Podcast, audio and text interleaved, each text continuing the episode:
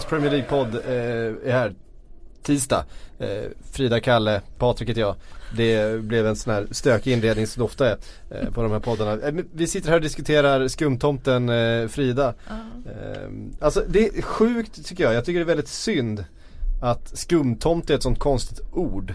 Därför att Frida har ju inte fått något riktigt sådär smeknamn här på redaktionen eller? Det har ju inte du heller Kalle, men många har ju, får ju lite konstiga smeknamn. Vi har Klocko och så vidare. Ja, men du har ju inte heller något. Nej men jag heter Psyk efternamn, det blir liksom ja, men naturligt. Men nu är vi tre här och ingen har något smeknamn. Nej, så okay, så vanligt var det inte. Nej men det fanns en sån oerhörd öppning här att, att eh, Frida aldrig mer skulle kallas Frida på den här redaktionen. Tack vare de här skumtomtarna. Mm. Eh, för det är ju så att vi har ju tjatat om de här, den här konstiga drycken. Eh, som nu är på väg att försvinna. Och så är det någon som har skickat ett helt flak till dig. Ja. En hemlig beundrare. Herregud vad taggad jag blev. När, eh, eller först blev jag lite, blev lite rädd. För jag tänkte jag har aldrig fått ett paket och så frågade jag runt lite hur var går man och hämtar paket och så sa alla jag har aldrig fått ett paket. Nej, tänkte jag. Och sen så gick jag ner och sen så såg jag då det här och då fick jag mina aningar. Det var så tungt. Så jag tänkte det måste, det måste vara ett flak skumtomtar. Och det var det. Jättekonstigt. men, men visst. Eh, vi, eh, vi, det är trevligt med överraskningar alltså. ja, vi, vi välkomnar gåvor till den här podden och eh, även, även, även Kalle tror jag eh, har någonting han tycker om. Vi får precisera det, det senare. Ett, ett flak med guldnougat skulle jag gärna ta emot. du satt precis här och pratade om att du varken gillar semlor eller pepparkakor eller bullar men guldnougat går bra. Ja det är jag svag för. Det är din grej. Ja. Vill, be, vill betona också att det, det, är ingen spons det handlar om som vissa har trott. Nej. Utan det är faktiskt en, en eh, helt vanlig kille antar jag. Eh, från Borås tror jag. Vanlig inom citationstecken här känner jag. Ja men Nej, det, vi ska, vi ska, inte, vi ska inte hänga ut något. Men det var Nej, men det var, jag, blev, att, jag eh, blev mycket glad. Ja. Eh, det gjorde min dag. Det gick upp från, från 3 plus till 4. Vad härligt. Mm. Um, det finns rätt mycket vi kommer komma in på. Det kommer bli lite sill idag också. Det är ju onekligen så när det har hänt eh, grejer. Vi ska kanske inte prata så mycket om vad som eventuellt kommer hända utan det som faktiskt har hänt. Sanchez, Mkhitaryan och försöka titta på de där lagen och vad det får för konsekvenser och sätta någon slags plus på den där presentationsvideon. Det är helt övertygad om att vi inte kommer tycka lika. Eh, det vet jag redan att vi inte tycker lika. Eh, men vi börjar i Watford.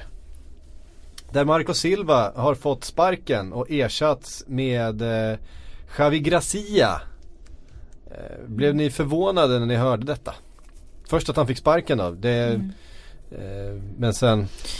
Eh, jag eh, blev förvånad. Eh, mm. Det är väl klart att Watford ehm, är inte inne i sin bästa form. Eh, men de ligger trots allt inte så långt ner i tabellen. Eh, och jag har inte uppfattat det som att hela den här härvan med Everton tog så mycket stryk på Silvas relation till klubben som det uppenbarligen har gjort. Så jag blev förvånad av, av den anledningen. Och då kan jag tycka att var inte lite konstigt att Watford inte bara släppte honom från början och tog pengarna? Alltså, man, måste, man måste ju känna att man tackar nej till 100 miljoner för att sen ändå sparka eh, tränaren på grund av samma bud.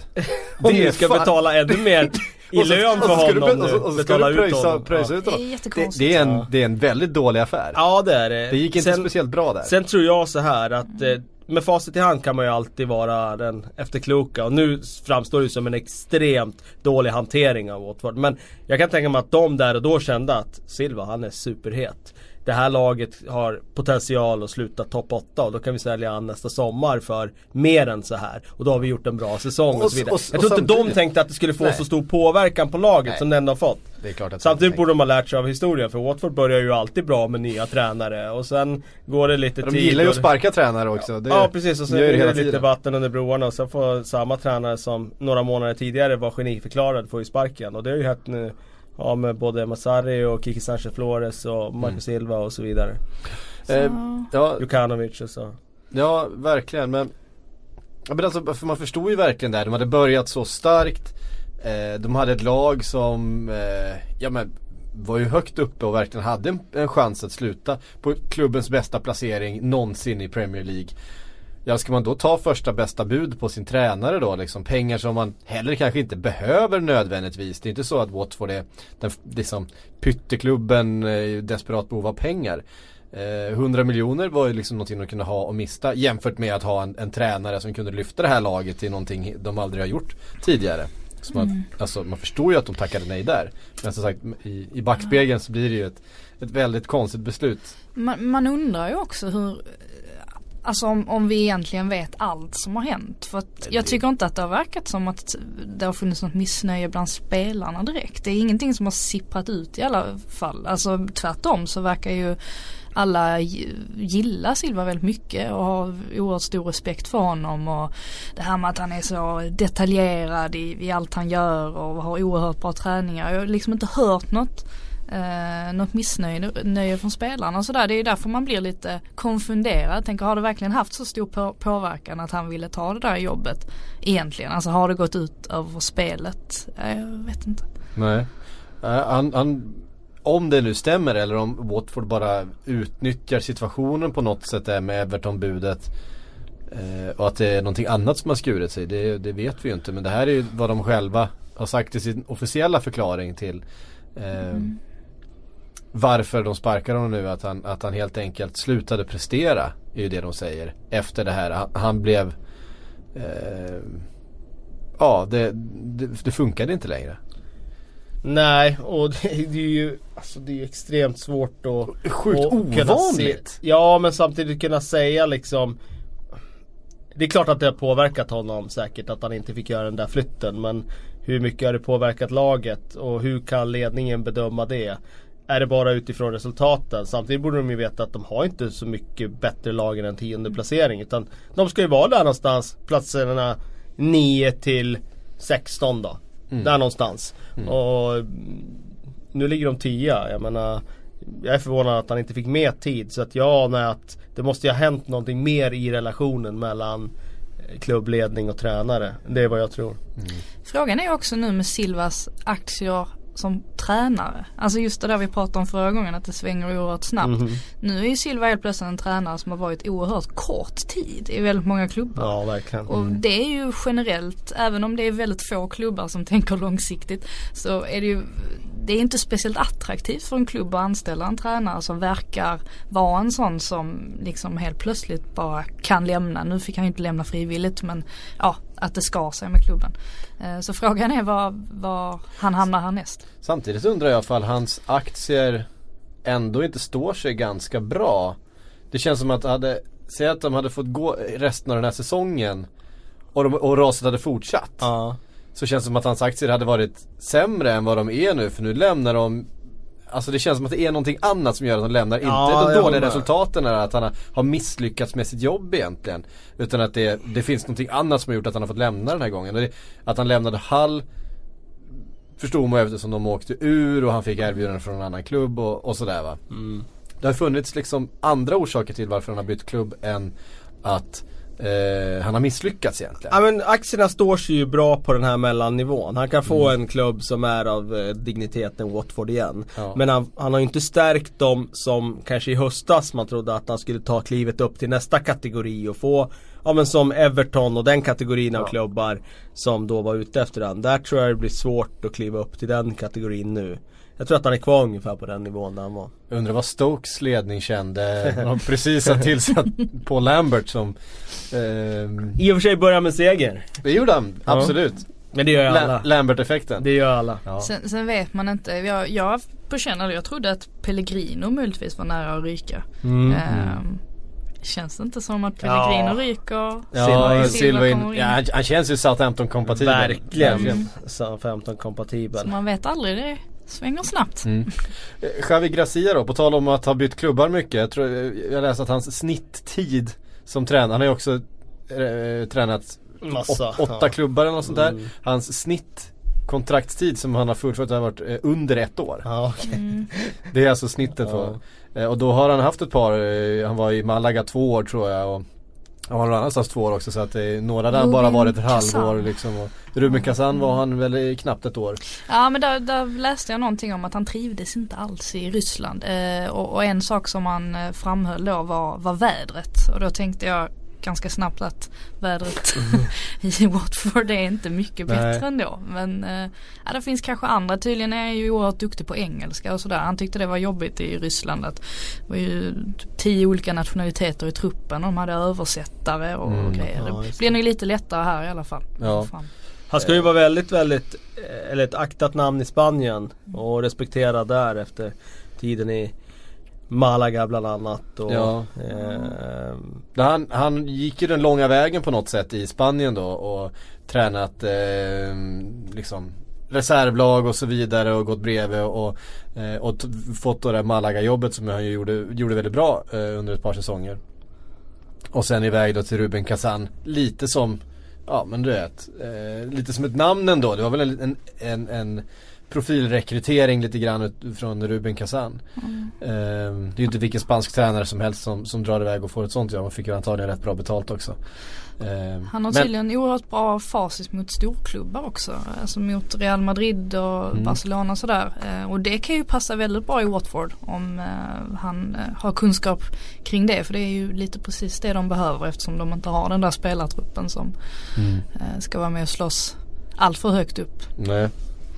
Ehm, och eh, sen är det ju så här att jag menar det var, det var folk som skrev om Marco Silva. Kommer han liksom Drar han till något annat europeiskt land liksom eh, nu. Men jag tror ju att för alla de här tränarna Alltså Premier League är ju, är ju ligan där du får ett bäst betalt men du får också den största exponeringen. ja så är det ju onekligen. Eh, och jag tror att det är många tränares liksom, mål på något sätt i alla fall att, att eh, under en del av sin, av sin tränarperiod vara i England och få eh, prova på det, eh, det livet och Jag tror att de den scenen. Jag tror att de känner att det är klart att La Liga där skiner solen Ja, och det är varmt och skönt. Men du jobbar så mycket med bakbundna händer där för de har så extremt små resurser jämfört Mm. med Premier League-lagen.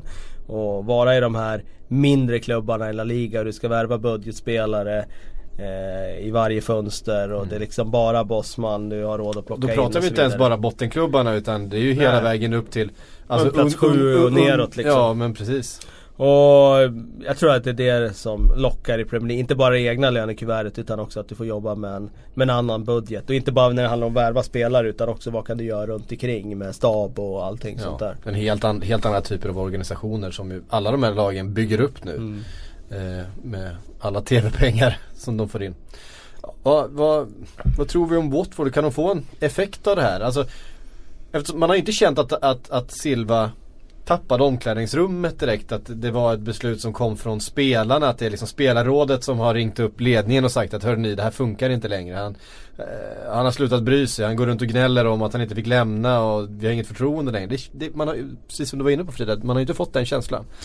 Nej, eh, sen eh, är ju England som det är. Alltså man har ju väldigt oerhört lite insyn på något sätt. Men man tycker ändå att det skulle nog ha sipprat ut någon rapport eh, i någon tidning eller på någon sajt om det hade varit så att det fanns ett, ett missnöje generellt.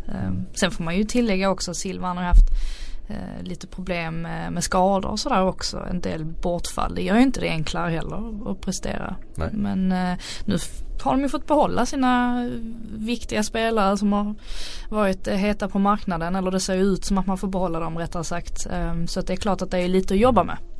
För Gracia. Ja, precis. Nej men det är viktigt. Det ryktas ju lite grann om- Richarlison till exempel. Mm. Men det verkar ju som att de är ganska ju- ovilliga. att Jag tror inte att de, eh, vi har ju sett Watford också tacka nej till stora pengar för, för andra spelare. Igalo till exempel. Igalo till Kina där, där de kanske borde ha sålt men eh, Är de smarta nu så behåller de ju Schneiderson just eftersom effekten av att det kommer in en ny tränare och så Mm. tappar den bästa spelaren eh, skulle ju kunna bli ganska stor faktiskt. Och Ja. det är inte så många poäng ner, det får man inte glömma. Det är många Nej, placeringar ja. i tabellen men man luras ju oerhört alltid jämnt alltså. Premier League att den alltid är så jämnt från plats eh, ja, men 9 och neråt Mm. egentligen varje år. Fick stryk i helgen av Leicester. Eh, 2-0. Leicester som börjar se eh, på riktigt bra ut nu faktiskt tycker jag. Ja. Eh, det börjar ju på något sätt, hit, de börjar hitta tryggheten igen efter alltså, alltså titelsäsongen egentligen så har det ju varit väldigt mycket frågetecken och det har varit väldigt oklart allting men just det har tagit ett och ett halvt år Och nu börjar man se konturer av ett lag igen och någonting som börjar hänga ihop. Det är Mm. den känslan jag har i alla fall när jag ser på dem. Men det gör ju mycket på sig så fort eh, Mares och Vardy och de, eh, Mm. när de börjar prestera då, då, då känner man ju verkligen att hela Leicester lyfter, alltså så viktiga de är för, Mm. för Leicester eh, och för det de presterar på planen. Jag, jag tycker det är jätteroligt att se dem spela nu. Eh, både där mot Chelsea när det blev 0-0. Eh, matchen i helgen såg jag inte så mycket av men Ja men man känner att de nästan har fått tillbaka det här lite från när Ranieri var där. Och det är ju starkt jobbat av Poel. All, all heder till honom. Ja verkligen och jag menar att en sån som Ndidi har verkligen kommit igång och Det är din favorit va? Ja men det, jag, ty, jag, tycker att det är eh, en, en, framförallt en väldigt duktig spelare men, men eh, hur viktig han är och att det har också tagit den här tiden för honom att komma in i den rollen som Kanté hade. Men det var ju en extremt svåra, svår situation att komma in och ersätta honom som en, som en ung och oprövad spelare på, det, här, liksom, på den här nivån. Men, eh, men nu ser han ju hur trygg ut som helst. Och som Mares förstås som ju har en, en kvalitet som ingen annan i det där laget har. Som är på, på, på riktigt hög nivå när han är på humör. Ja, det, jag hade nästan trott att han skulle köpas loss nu i januari faktiskt. Att någon skulle lägga så mycket pengar så att de ändå skulle överväga det. Men det verkar ju se ut som han blir kvar eh, till sommaren då. Jag tror ju att det är en spelare som som skulle kunna tillföra i vilket topp 6-lag som helst. Förutom City då kanske. Mm. Ja men alltså vi kommer ju ihåg från titelsäsongen. Alltså höjderna han var uppe på i vissa matcher där. Då, då var han ju ligans bästa spelare. Mm. Eh, det, var, det var ju ingen snack om saken. Alltså han, han, han gjorde ju, satte ju knappt en fot fel. Och, eh, det spelar ingen roll vilken typ av passningar som skickades ut från Drinkwater och Albrighton och Kanté liksom. Han bara sög in allting, gjorde sin gubbe och, och levererade bollar in i mitten till Vardy liksom. Det, det, eh, det börjar man ju se igen. Eh, den, den kvaliteten eh, lysa igenom. Sen är det ju klart att eftersom miljön har varit stökig där. In, i en, man är ju sugen på att se Mares i en ännu bättre miljö med ännu bättre spelare runt omkring med, som har bollen ännu mer. Han får liksom bättre bollar och bättre ytor att röra sig på. Så, ehm, ja, det, är, det är ett spännande prospect fortfarande. Ja, det är svårt där också när en spelare har haft en suverän säsong och sen så börjar det snackas om jättemycket klubbar och sen väljer den här spelaren till slut att stanna kvar och skriva på ett jättelukrativt avtal. Man ställer sig alltid frågan, ja, men det är ju lätt att sitta i efterhand också, hmm, gjorde han rätt? Som Mm. inte tog chansen att flytta när han kunde. Tror han försökte. Men kunde han verkligen det då? Ja men det måste han väl i och med att han skrev på ett nytt kontrakt då när det surrade som mest om, om Arsenal och sådär. Eh, och fick, han fick ju en monsterlön, vad är det han har? Det är ju, han är ju en av de bäst betalda ju, i, eh, i hela ligan. Eh, jag, jag såg framför mig då i alla fall att han hade möjligheten att, att flytta men valde att stanna liksom Vardy. Ehm, men då, då frågar man sig själv, ja, men gjorde han rätt och sådär, skulle han inte tagit chansen? Men nu börjar han ju komma tillbaka till den nivån att man kan tänka sig att han ändå kan få den flytten. Eh, så småningom. Ja det är jag helt, helt övertygad om. Vi såg ju Roma jagade ju honom i somras eh, som ersättare till Salah då, och de hade ju inte pengarna eh, som Leicester ville ha. Eh, helt enkelt. Men jag är helt övertygad om att det kommer komma nya klubbar i sommar eh, jagandes efter honom. Eh, på tal om nya klubbar och eh, talang och offensiv kvalitet och kraft så har ju Alexis Sanchez och Mkhitaryan bytt lag.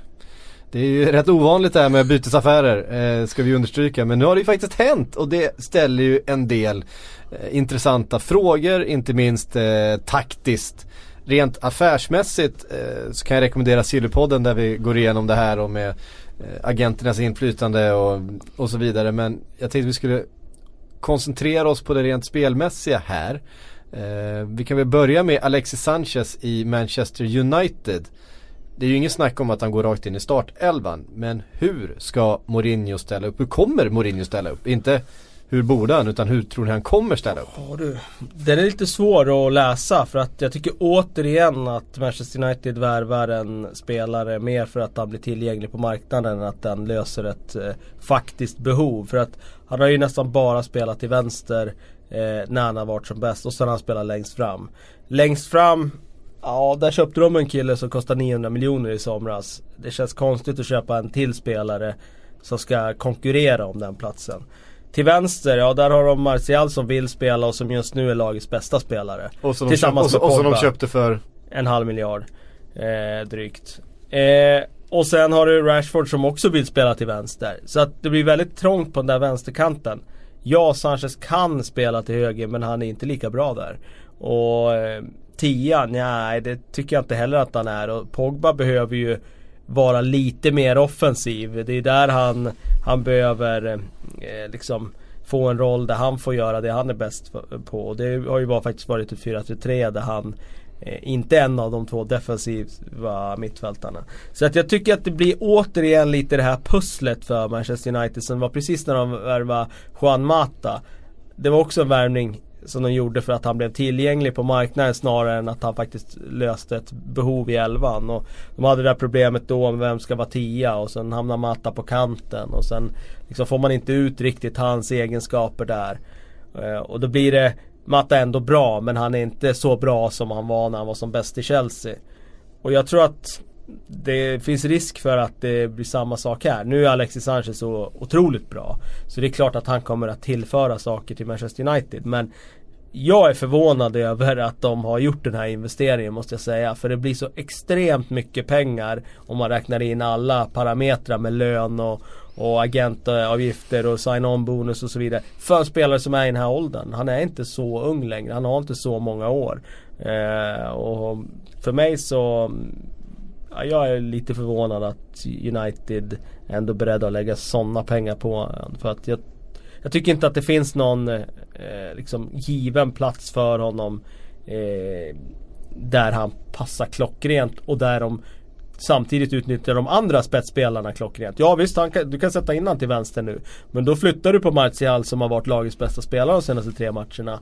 Eh, tillsammans med Pogba och, och sätter han på en position där han bevisligen inte är lika bra. Alltså det påverkar det andra och det, ja, jag vet inte riktigt hur han ska lösa det. Nej. Mm. Sen kan man ju flytta ut honom eh, till höger. Han fick ju trots allt eh, nummer sju. Så han, han hade väl smeknamnet Cristiano Ronaldo i Udinese. sprungit sju, sju, på högerkanten där innan. ja, ja, men återigen, vad spelar Ronaldo Nej. de sista säsongerna i United? Ja. Till vänster. Men, mm. det, men känns det inte lite som att den övergången, att det handlar om så mycket mer än bara det spelmässiga? Att det där är en sorts, eh, alltså dels PR-mässigt är det ju en fantastisk värvning. United får ju så mycket PR nu mm. på grund av det här så att det är sanslöst. Eh, och likaså att man att man visar musklerna genom att ta en spelare som City uppenbarligen inte vill lägga speciellt mycket pengar på. Och så kommer United där och, och hustar upp och säger nej det är inga problem. Det känns som att det är så mycket ja. mer bakom den här värvningen än bara det spelmässiga. Känns Men är det inte det Ed Woodward problemet här? Mm. Han plockar en tränare Mourinho som Kanske inte riktigt kompatibel egentligen men det är mer ett svar på att Guardiola har gått till City. Mm. Eh, han tar liksom Det är inte spelare som liksom automatiskt är skräddarsydda för det sättet de spelar utan det är mer okej okay, det här är en jäkligt bra PR-värvning. Det här är en stor stjärna mm. som vi kommer få massa liksom eh, vi blir omskrivna av det här och det kostar mycket och vi slår rekord och så vidare och han kommer att sälja mycket tröjor och det kommer att vara en fantastisk värvning på det sättet. Men det är inte riktigt skräddarsytt efter hur de spelar. Eh, och jag tycker att det genomsyrar liksom, Uniteds sätt att arbeta de senaste 5-6 åren.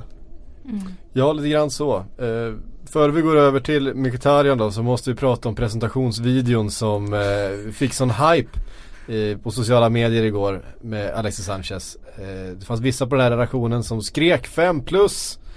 Eh, i, i, i, vissa på den här redaktionen. Ja, nej, men det var inte bara du. Nej, det jag var, fick medhåll. Det var även eh, Patrik Bränning. Mm. Eh, fem dansande plus skrev han till och med. Jag, håll, jag, jag vet att det här är, är någonting som folk brinner för. Därför, ska vi, därför får vi plocka upp den här debatten. Eh, jag ger en tre plus. Jag tycker ja. att Men är du inte lite färgad på något sätt av att eh, det här, alltså hela grejen att det just är Alexis Sanchez. Om du tänker bort att det är han, om du tänker bort att han går från Arsenal till United, om du tänker att det där bara är en fotbollsspelare och det är hans presentationsvideo. Tycker du inte att den är fantastisk då? Jag tycker fortfarande 3 plus. Tre starka plus. Den är välgjord men det är fortfarande en spelare som drar på sig en tröja, sitter vid ett piano lite obegripligt. Och sen går in på arenan eh, och tar ett par djupa andetag. Det är ju det enda som händer.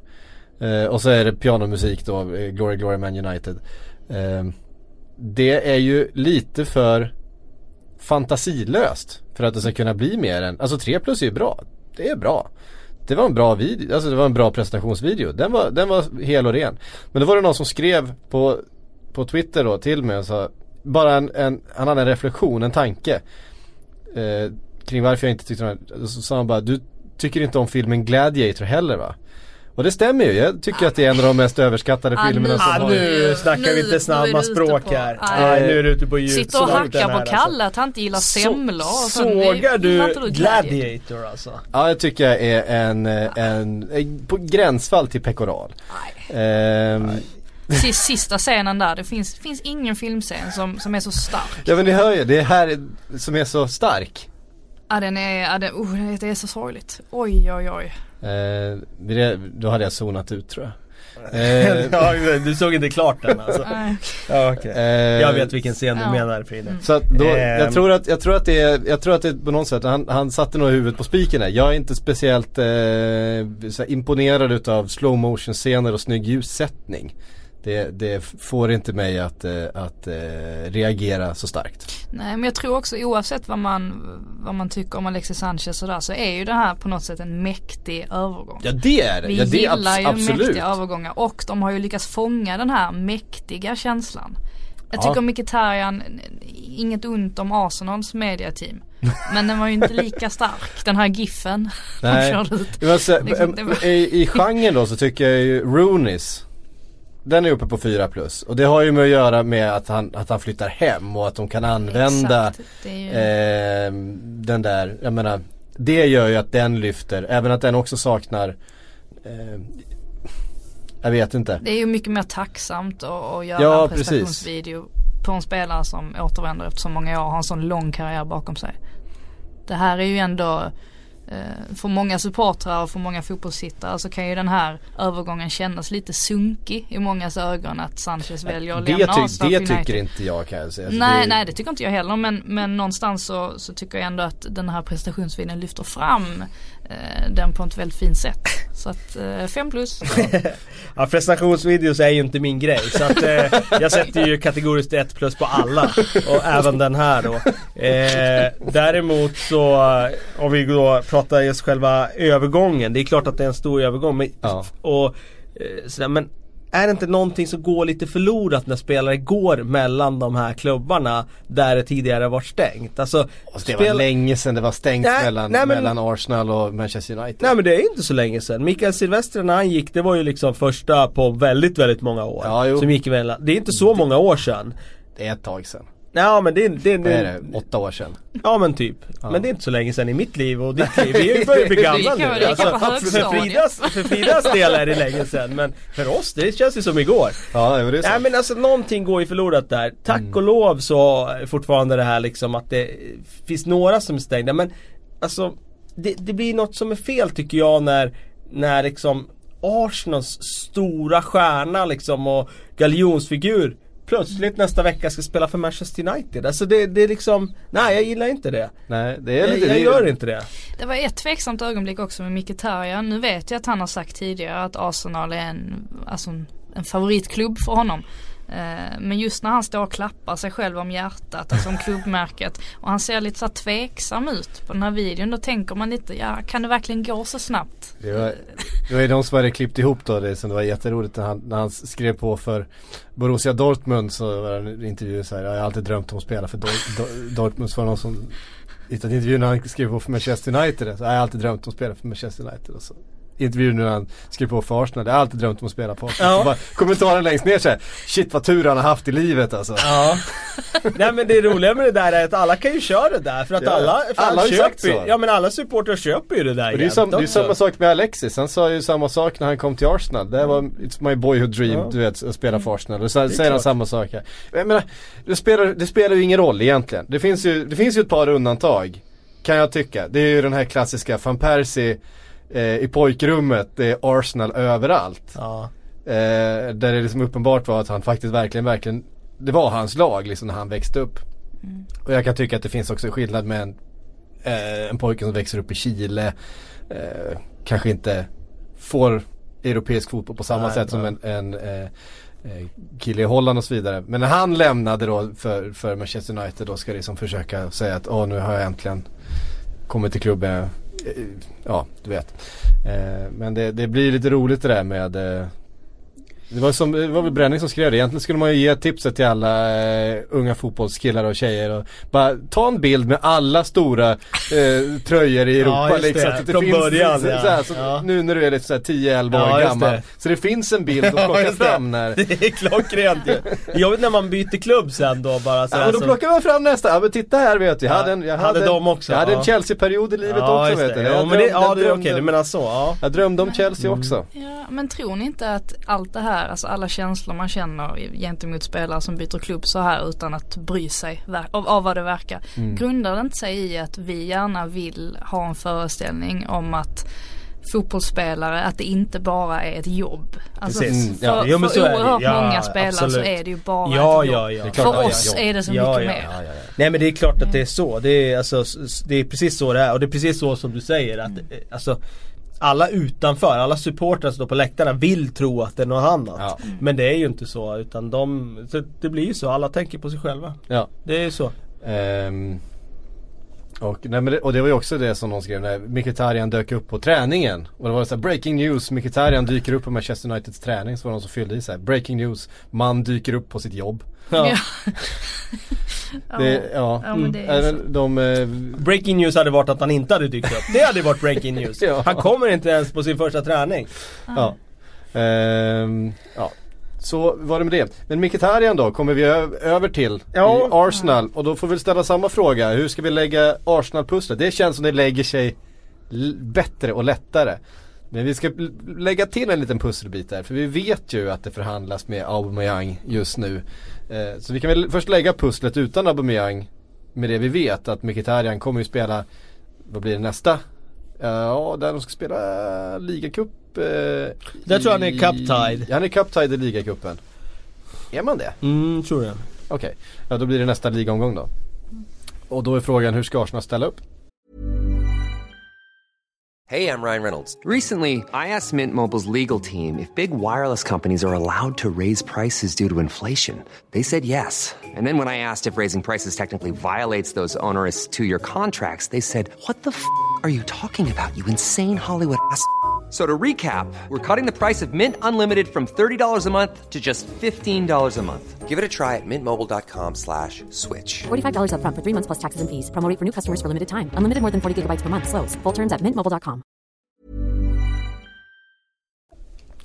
Alltså jag hade ju kunnat se han ta en nummer 10 roll och haft Özil komma in från en av kanterna och också komma in centralt men kanske utgå från höger som man har gjort ibland. Jag tycker inte att man ska flytta ut Mkhitaryan på en kant för där har det inte varit så bra. Så att jag vill ha han på en nummer 10 roll. Möjligen, möjligen till vänster. Özil centralt. Men ja, det är de två alternativen då. Jag, jag har en liten förhoppning om att han ändå ska, att ganska mycket ska få handla om honom. För det känns som att när, när mycket får handla om honom, det är då han är som bäst. Alltså när han hamnar lite i skymundan, när, när det känns som att han inte får den eh, bekräftelsen som han behöver. Det är då han försvinner i matcher. Eh, så jag hoppas ju att han verkligen, jag är nästan mer exalterad av att se honom i Arsenal än Sanchez i United. För det känns som att det här kan bli riktigt bra för Arsenal.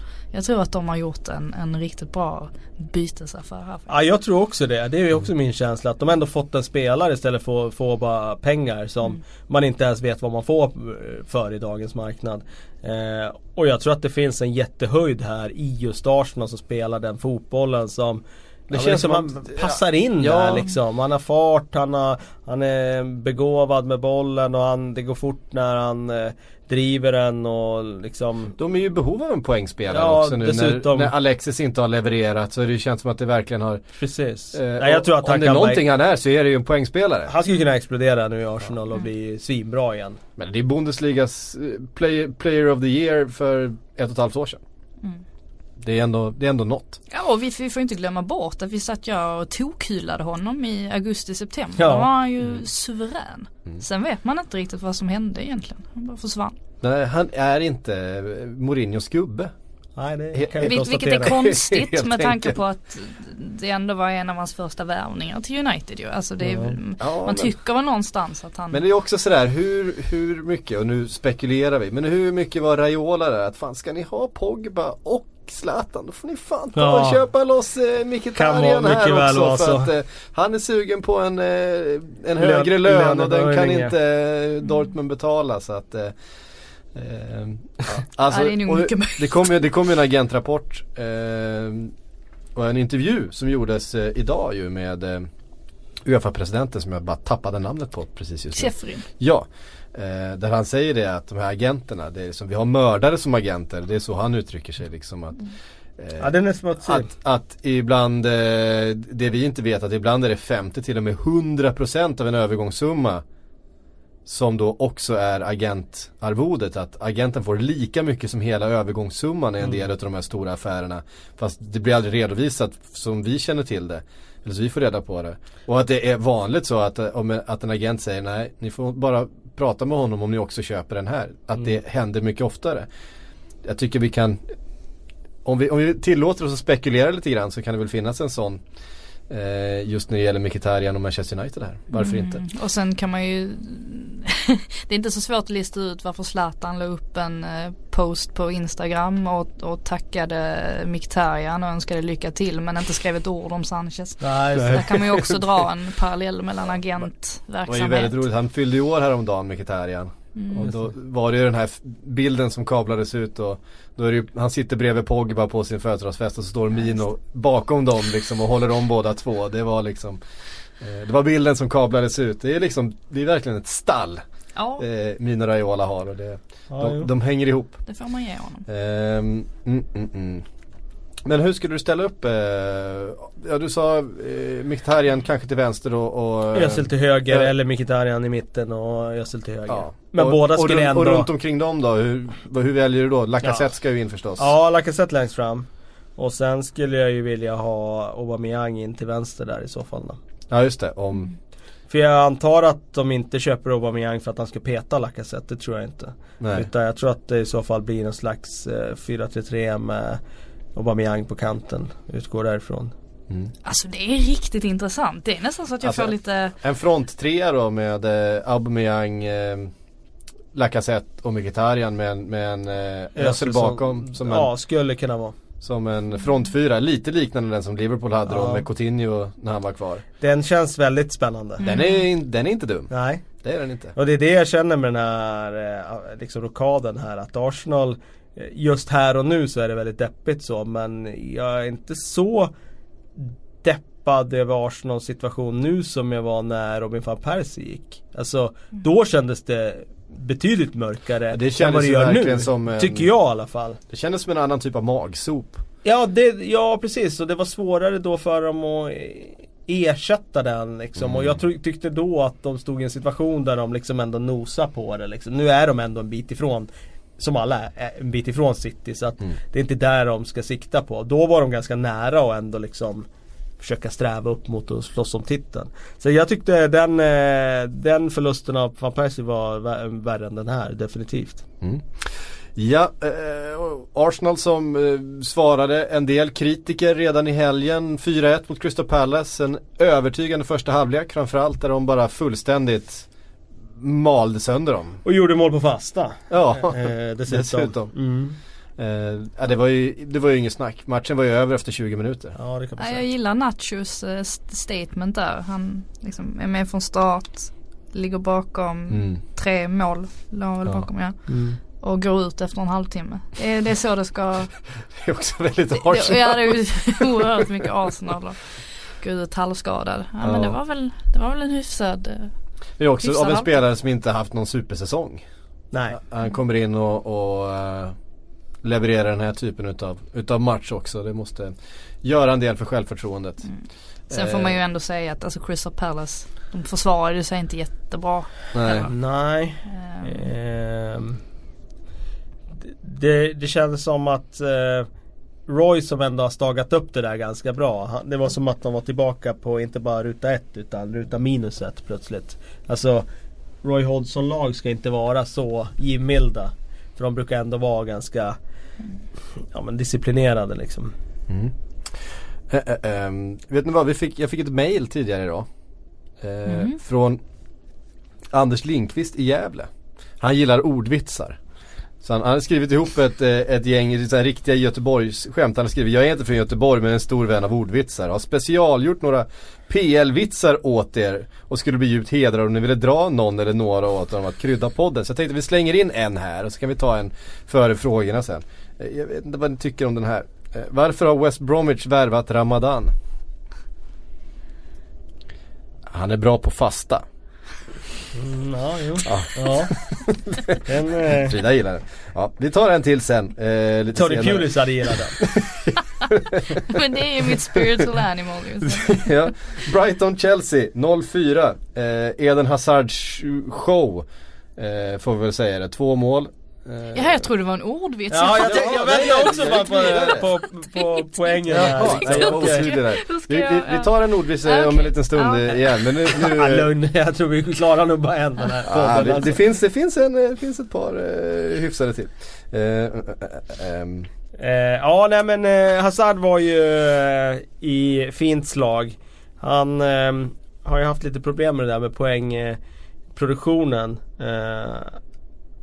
Jag tycker att han spelmässigt är på den allra högsta nivån i, i ligan. Eh, tillsammans med De Bruyne och company. Det är liksom, han är där.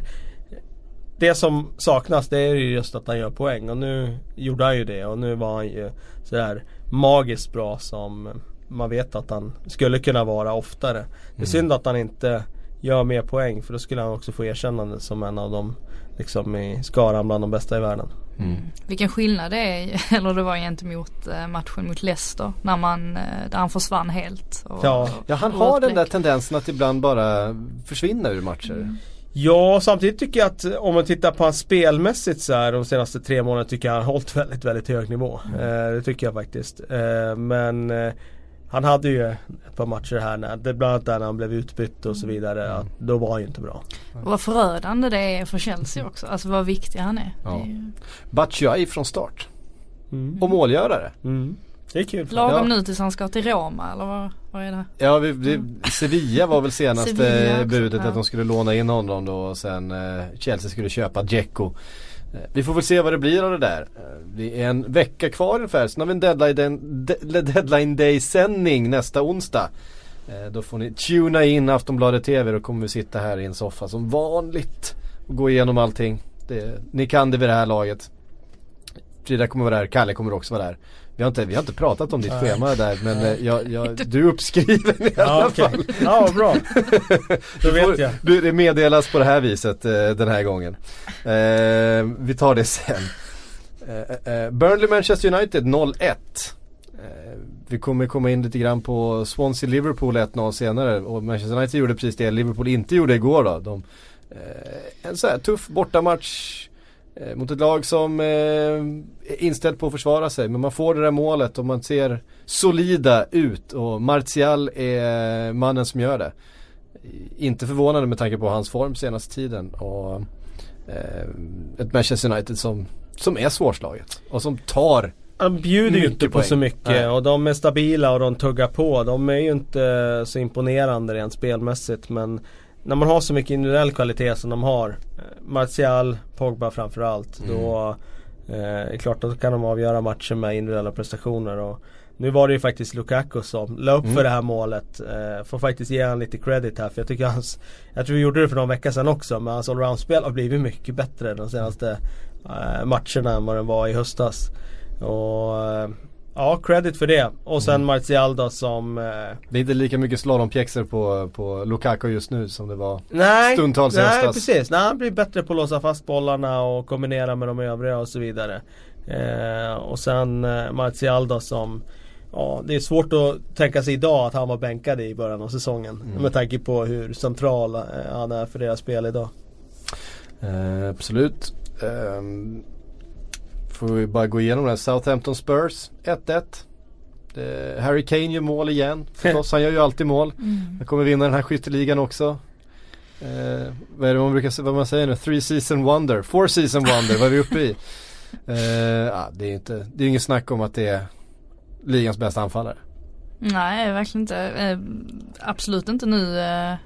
Just nu i alla fall. Eh, sen får vi se, hur spännande att se om han stannar eller inte. Det känns nästan som att han faktiskt kan stanna i Tottenham ändå. Att eh, han kanske är en av de få spelarna som har lite klubbhjärta Mm. som vi eftersöker. Eh, men det lär ju vara många klubbar som är intresserade av honom i alla fall. Han är ju Spurs through and through. Så att jag kan ju absolut inte se honom gå till en annan Premier League-rival. Det, det, Eh, det, exist- det, det skulle, eh, det vågar jag nästan lova att han, det kommer han inte göra. Utan det är väl egentligen om Real Madrid dyngar upp två miljarder eh, han känner att, jag tror inte det är nu till sommaren aktuellt heller. Alltså, om ett par år han känner att Spurs inte har rört sig framåt. Att han eh, börjar närma sig en ålder då han kanske inte får den här chansen och fler gånger och göra det äventyret. Men jag ser honom, eh, jag ser honom vara kvar ett tag till. Tänk om de hade, om Real och Tottenham hade kört en bytesaffär med Bale och Kane. De går åt motsatt håll, lite pengar emellan. Det, där snackar vi bytesaffärer. Där, då börjar vi prata. Ja, Ja. Det, det hade vi gillat. Den presentation, presentationsvideon, den, den hade varit något. Exakt. Eh, eh, ehm, Swansea-Liverpool 1-0. Såg ni matchen igår kväll? Ja, Det var en sorglig syn. tyvärr. Andra halvlek kom jag hem till. Jag såg inte första. Nej, Så att ni får dra första det för mig. det var, Första var inte mycket att hänga Nej. i julgranen. det hände inte speciellt Salah mycket. hade väl ett läge där som var Mané Ja. hade något läge tidigt där va? Ja, hade han inte det? Ja, Mané hade ett läge. Jag skadade lite på Fabianski. Ja, Mm. Sa- Salah hade ett ganska svårt volleyläge från en chip från van Dijk tror jag fram. Men det var inte, var ju ett sånt där spel som låste sig som det gör när Liverpool inte kommer upp i energi och intensitet och står alla och inte riktigt är först in i, i pressen och nej, spelet stämmer helt enkelt inte riktigt. Andra halvlek kändes de också väldigt idéfattiga. Ja. Alltså, Nej det var, det var... Förutom sista Släpp. minuterna. Det Ja men när de skickar in van. Dijk i straffområdet då blir det Ja. lite oro där framme. Jag säger det, han kommer ju rädda många poäng just bara genom att komma in där och buffla i offensivt straffområde. Nu räckte det inte den här gången men nej. jag eh, tyckte ändå var eh, kul att se eh, Swansea som fick lite ordning på, på sitt spel. Med Mm. tanke på att de De- spelar femбacks nu och Försvarade sig stängde väl- till det bakåt. Ja, försvarade sig väldigt bra genom hela matchen. Mm. Väldigt aggressivt. Eh, och tillät inte Liverpool att, att, att kombinera sig fram. De gav inga ytor för Salah och Mané att, att eh, gå in bakom backlinjen. De, de lät inte Firmino en enda gång vända upp centralt och, och hitta vidare i ett kombinationsspel. Utan eh, tvingades hela tiden vända tillbaks och spela runt. Och, utan, eh, de var väldigt disciplinerade och gjorde en, en väldigt bra match försvarsmässigt. Det är ju sådana lägen som man kan sakna Coutinho lite grann. Att eh, han behövdes där, alltså som kreativ kreatör på, på mitten på något sätt. Eh, när, de, när de liksom måste framåt, när, det, när de inte kan vara det här omställningslaget bara och pressa högt. Utan när de faktiskt måste, måste föra spelet lite grann. De har ju uppenbarligen det, det tuffare då. Ja det blir ju, det blir ju liksom det narrativet efteråt. Men man ska ju komma ihåg att Liverpool gjort ganska många sådana här matcher med Coutinho på plan också. Också. Ja. Mm. Att, Nej men det har ju varit mer ett kloppproblem. Om man Ja, tittar både, både i hans tid i Dortmund och Ja. i Liverpool så är det ju mer ett ett klopp. fotbolls, hans fotbollsfilosofi så har ju det här inbyggda problemet att kommer du inte upp i energinivå eh, då- Ja och får du inte de där bollvinsterna heller. Ja, liksom. nej men då får du ju inte de bollvinsterna och det, det är liksom, det hela, bygger hela tiden på att du spelar med högre intensitet än i motståndare och kan vinna fler utav de där duellerna och kan vinna bollen av din motståndare. Eh, och gör du inte det då, då eh, finns det inte så mycket andra idéer. Eh, och det Jag finns ett inbyggt problem i det. Jag gillade Carvajals eh, eh, hans intervju efter matchen. När, han, eh, när någon frågade honom, ja men hur lyckades ni stoppa Liverpool? Så sa han, Mm. man kan inte köra kapp en eh, Formel 1-bil. Men däremot i en eh, kö klockan eh, fyra på eftermiddagen mitt i London så kommer Formel 1-bilen ingenstans. Jag vet inte, jag gillar ändå när, när de använder sån där symbolik. Det, det, det var ju exakt så det var Ja. ju. De stoppade Formel 1-bilen genom att Ja. ställa upp med en bilkö på Ja. något sätt. Ja men lite så. Ja. Eh, eller en buss. Om man vill. Ja men det, den är ju så uttjatad. det, var, Jag det, gillar var, den faktiskt, det, Formel var, 1 faktiskt, det var faktiskt inte, inte en buss parkerad i straffområdet och täcka, täcka skott som gällde utan det var ett, ett aggressivt och välorganiserat försvarsspel. Mer skulle jag eh, vilja säga. Sen tyckte det var väldigt roligt för man såg ju också eh, Calvalial som jag tror det ska uttalas med portugisiskt uttal. Ja förlåt. Eh, Jag har fått så mycket skit för att, vi, för att vi säger portugisiska namn med spanskt uttal. Vi säger José och sådana saker fast han egentligen José. heter Jos, Ja, José och, och så vidare va. Men, ehm, eh, ja men på, på sidlinjen där de sista minuterna, han, han känner ju att det här är så viktigt Ja. just nu. Jag menar de ligger tok sist och de skulle få med sig den här trean mot ett Liverpool som precis, du vet, alltså det skulle ge så mycket mer effekter än bara de här tre poängen som också förstås är viktiga. Och man såg hela han bara liksom eh, efteråt eh, Ja men det bara, det bara sprutade någon slags eh, liksom, släppt ångest och, och eufori samtidigt av honom. Det var, ehm, ja, det var speciellt och nervositeten eh, de här sista minuterna kameran filmade ditåt både på honom och Klopp många gånger och det var eh, ja, det var, det Det var är lite roligt också att, att att. Fernandes firade målet så hårt att han bröt näsan. Ja, det får var ju- också det lyfta var ju- fram. Vad var det? Han sprang in i, Nej, var han- det liksom bar? Han hade ju, eh, ja men de stod ju och kramade om varandra så hade han ju näsan vid axeln. Ja just det. Och sen så kom någon spelare bakifrån och så ser man ju hur han kör Ja. huvudet rätt i axeln. Och så Och- står han Och så bryter liksom. näsan. Ja, det var, Ja det såg i alla fall ut så för det, det blödde både ur näsan Ja, och från näsan. Ja det var ju, det var ju en rejäl smäll alltså. ja. Ehm, vi ska ta Det, lite det är nästan i klass med här. Kommer du ihåg han, den klassiska bilden på han som var riktigt läbbig bild. Han som hoppade upp och skulle fira ett mål på ett stängsel. Och så fastnar fingret Ja uppe på stängslet. Uff, Åh fy fan den, Ja, jag kanske den inte skulle glömt. dra den. nej, Men Nej, den var läbbig. På tal om skräckbilder då. ehm, så kan vi ju gå vidare till ehm, West Bromwich eh, Everton. Ja, Ehm, den var väldigt tråkig. Ja, jäklar alltså på uh, McCart- McCarthy. Uh, Rondons eh, Mm. eh, spark där för ja, obehagliga bilder ja, alltså. riktigt läbbiga bilder. Eh, var och- länge sedan man såg någon sån där bild nu. Ja. I alla fall i Premier League. Ja. Kändes som att när GBCC spelade där, då hände det där. var Ja, och fy fan den är också säsong. Brutal. Det är Men, ju eh, starkt också med hans reaktion efteråt. Alltså Rondon att han verkligen står och att Ja, han liksom han- grät. Alltså ja, han, var, och han var verkligen, verkligen tagen. ja. Det är ju en, en ja, jag tror det är väldigt obehagligt. Han, han sular ju på allting han har där och ska ju skjuta den där och det är jävla vad han offrar sig. Eh, och rapporterna säger att det är båda, båda underbenen av. Ja, det är Ja, det ser kul. bilderna, bilderna säger det också. Ja. Eh, ja, det är obehagligt. Brr. Vi ska ta lite bilder men vi får lätta upp stämningen här lite grann känner jag med en, eh, med Vi en, lite bilder. en till ordvits. Ja, kör. Ja. Ehm, får alla i Liverpool eh, spela lika mycket? Nej, det beror på vem man är. Ja, just det. Nu skrattar till och med Kalle. Ja, det, den, ja, ja, men man, man mjuknar ju upp av eh, när man, när man får ytterligare en sån här. Då börjar man komma in i modet liksom. Ja. Eh, Kan du inte ta en till nu då när vi ändå är på... på Ja, vi, tar, vi tar en till då. Ja. Ehm, vi kan ta den här, du kan ju läsa den längst ner för den måste göras på skånska Frida. Uh, Jaha. där, där är det. Mm. Med Phil där. Mm. Eh, hur gör Phil i Manchester City oftast mål? Med vänsterfoten. Ja, Jag den är dålig jag gillar den lilla emojin efteråt också. Att han, han är så nöjd. Ja, där, där måste vi nog stoppa ändå. Ja, där fick alltså. dra Ja. gränsen kände jag. Ja. Fyll, fyll, fyll foden. Ja, men eh, kände att eh, droppa lite efter Mané. Ja, eh, Mané var, Mané var Mané var klass. Ja. Eh, tar en fråga från Mikael Jonasson. Eh, vilken av klubbarna i botten hade ni kunnat tänka er att ta över? Alltså vilken klubb har bäst resurser att klara sig kvar? Oj. Vad är det? West Brom och Swansea? Ja. Swansea ligger sist, West Brom ligger näst sist och eh, vem har vi på tredje platsen då? Det har jag inte skrivit upp det framför mig. Vi, vi kollar. Ja, vilka är det? Det ju- känns som halva, halva tabellen är indragen i den här bottenstriden.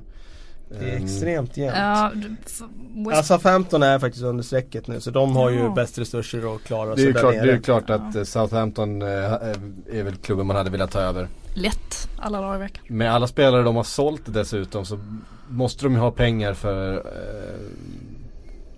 nästa tränare om det nu blir någon annan då om eh, Pellegrino inte får behålla det här jobbet att, det att bygga någonting kanske. nytt. Mm. Ja, ja det är ju ingen eh, osannolik tanke att Marco Silva kommer in efter den här säsongen och får bygga någonting under sommaren och Men det, ser också, det är ju både och det där. För tar du över SA-15 då har du ett lag som inte är vana att ligga i den där positionen. Nej. Som inte är vana mentalt av att liksom ha gjort bottenstrid. Eh, så det finns ju definitivt en Fördel vadå, rent skulle du ta Crystal mentalt. Palace istället då liksom? Nej men West Bromwich eller något sånt där lag som ändå har liksom har gjort det där. det Ja men, de ändå, åren. ja men de har ändå spelet för att eh, Ja. grisa liksom och Mm. sådär.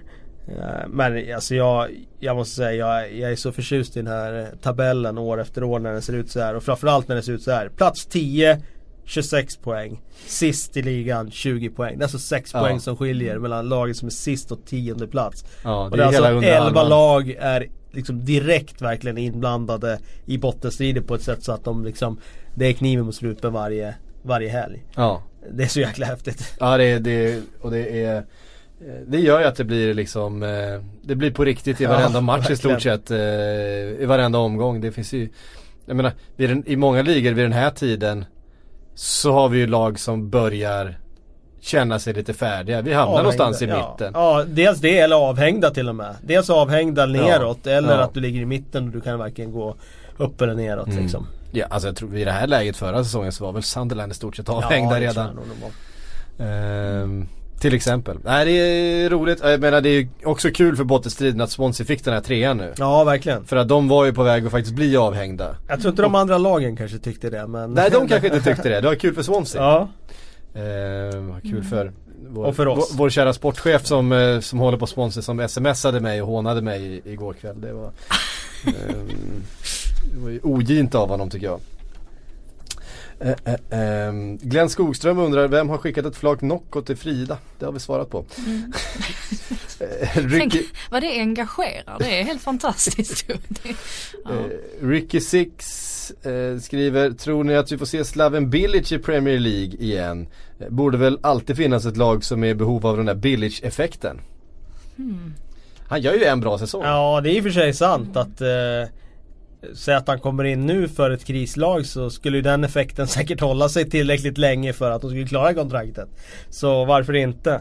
Han dök ju upp där i Sky Sports igår och eh, det känns som att eh, det var lite för att påminna fotbollsänglarna om att han fortfarande finns där i rullorna liksom. Ja.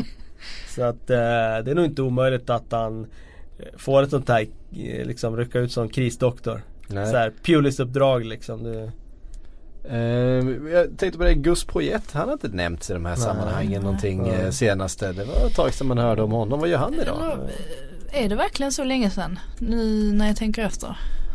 Det känns som att jag har skrivit något Ja, silly det är jag som inlägg. inte har koll. Eh, det vore ju inte första gången heller.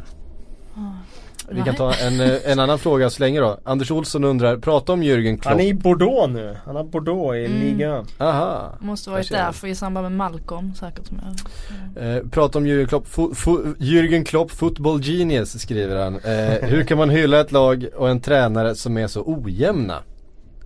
Jag tar den du Syk. Nej, jag, jag bollar gärna över, över den till er. Vad sa du nu? Att, Hur kan man hylla ett lag och en tränare som är så ojämna? Ja men det är väl för att när de är på sin absolut högst, högsta nivå så är de ju helt fantastiska. Då är de ett av Europas bästa lag. Det såg man ju mot eh, City, offensivt då ska ju tilläggas. Mot City det är, det är ju det man hyllar. Det är väl inte direkt defensiven och det är väl inte direkt matcher mot Swansea när de Jag har inte hört så här Låser jättemånga hyllningar kring Liverpools defensiv de Nej. senaste åren. Det har jag inte gjort. Ja men jag bara menar det att alltså ofta så ja, man, man hyllar ju de, de, de sakerna som hyllas bör och offensiven är väl klart att man ska hylla och deras pressspel är ju fantastiskt. Ja, och jag menar jag håller med dig helt. Och sen eh, som är, det är väl, är det inte roligare att ha en riktigt hög högsta nivå än att bara vara slätstrukna och liksom aldrig ha några toppar eller några dalar alls. Du är bara, du är bara intetsägande och bara stryker med hela tiden. det är väl roligare i så fall att liksom ändå tangera de där eh, höga höjderna som Liverpool gör. Eh, Oskar Johansson skriver, eh, vad säger ni om Burnleys värvning av Aaron Lennon? Det är ju en sån, alltså, ja men alltså Theo Walcott kommer in. Eh, Men jag, ju- man har ju alltid känt att eh, Aaron Lennon är lite grann en poor man's Theo Walcott. Eh, och nu får han flytta på sig när Theo kommer in till, eh, till Everton. Ja, var, Men varför han inte? flyttar ju uppåt i tabellen. Han, Just det. han, flyttar ju, han flyttar ju visserligen bara en placering men är väl typ en 6-7 poäng i alla fall. Det är ett litet glapp där mellan Everton upp till, upp till Burnley. Skolas in där i Sean Dyche filosofin. Det Tror ni han måste äta mask? Eh, nej jag vet inte var det där Vad- kom nej, ifrån. vad- Vad, vad- var det där för? Jag Nej, vi pratade om det lite grann i Sillypodden igår. Ja, men det här är ju, det, det, men det dök ju upp för er som inte hörde det eh, där då. Nej men det var ju en eh, före detta lagkamrat med eh, Sean Dyche som han spelat ihop med för en massa år sedan. Eh, Stefan Jakobsen. Okej. Eh, som drog en anekdot om hur de på träningsplanen att Sean Dyche då eh, när det hade regnat och det kröp upp dagmaskar ur, eh, ur marken. Vill man brukade, höra det här? Brukade ta dem och äta dem. Det vill man Eh. inte höra alltså.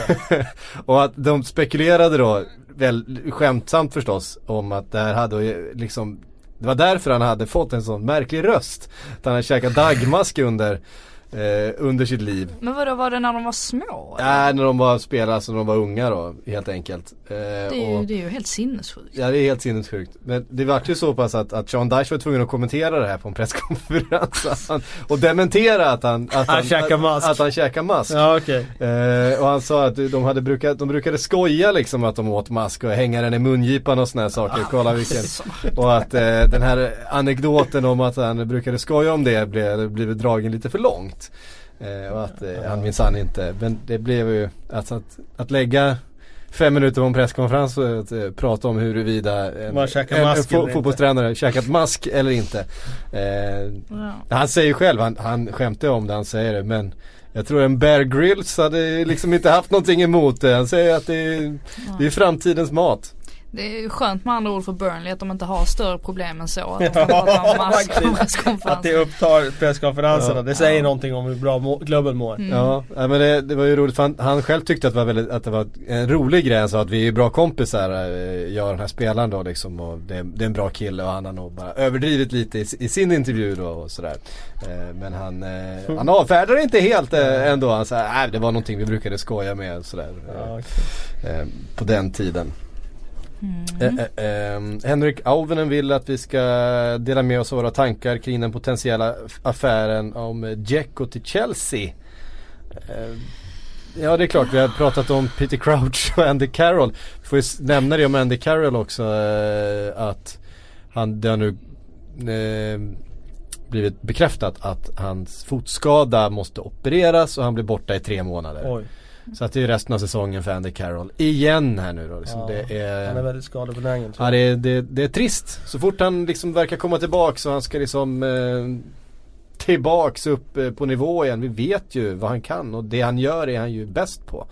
Även om det kanske är något som tenderar att kallas lite omodernt. Så, så är han ju väldigt bra på det men nu borta tre månader med fotskada så då är det ju ingen Chelsea som kommer värva honom direkt. Eh, Frågan är ifall det blir en Dzeko då? Hur skulle ni se den affären? eh, Så jag är lite tveksam till det. Alltså han... eh, Ja, får ju han hypa vår deadline day sändning här lite grann då. Så igen då. Vi hoppas att Ja det här alltså det är något kanske mycket möjligt att det, att det blir av men, men jag är lite osäker på vad Alltså vad han skulle kunna tillföra Alltså han börjar bli lite till åren dels. Mm. Eh, och frågan är om det är värt att lägga så pass mycket pengar. Det var väl ändå en halv miljard inklusive eh, Emerson va? Eh, ja precis, det är den här ytterbacken de är intresserade av också. Det, är ganska, det kan man väl se i och för sig att de behöver ett, ett alternativ Men han är ju också jätteskadebenägen så att det är, jag, vet inte om det är en jättebra affär men jag kan ha fel. Förvånansvärt att Conte är så angelägen om att få in en targetspelare. Alltså jag har inte sett det liksom behovet i Chelsea-spel av att de liksom ska ha en target som ska stå där framme. Då menar jag en target som Carroll eller Crouch som det liksom vilt har spekulerats om.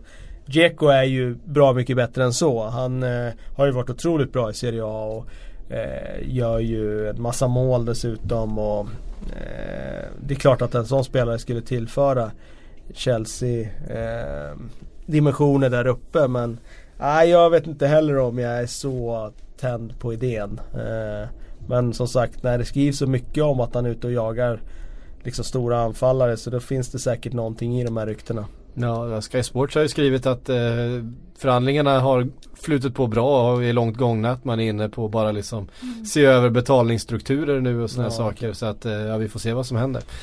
Ja, det är klart att eh, Dzeko kan väl säkert känna lite revanschlust också. Att han har något att, bevisa i England. Att, eh, eh, fick ju inte riktigt till det i Manchester City även om han var bra i perioder och gjorde en del mål ju. Mm. Eh, hörde ni, det var allt vi hann den här tisdagen. Eh, tack för att ni har lyssnat. Tack Kalle, tack Frida för att ni, för att ni kom hit. Och vi är tillbaka om en vecka.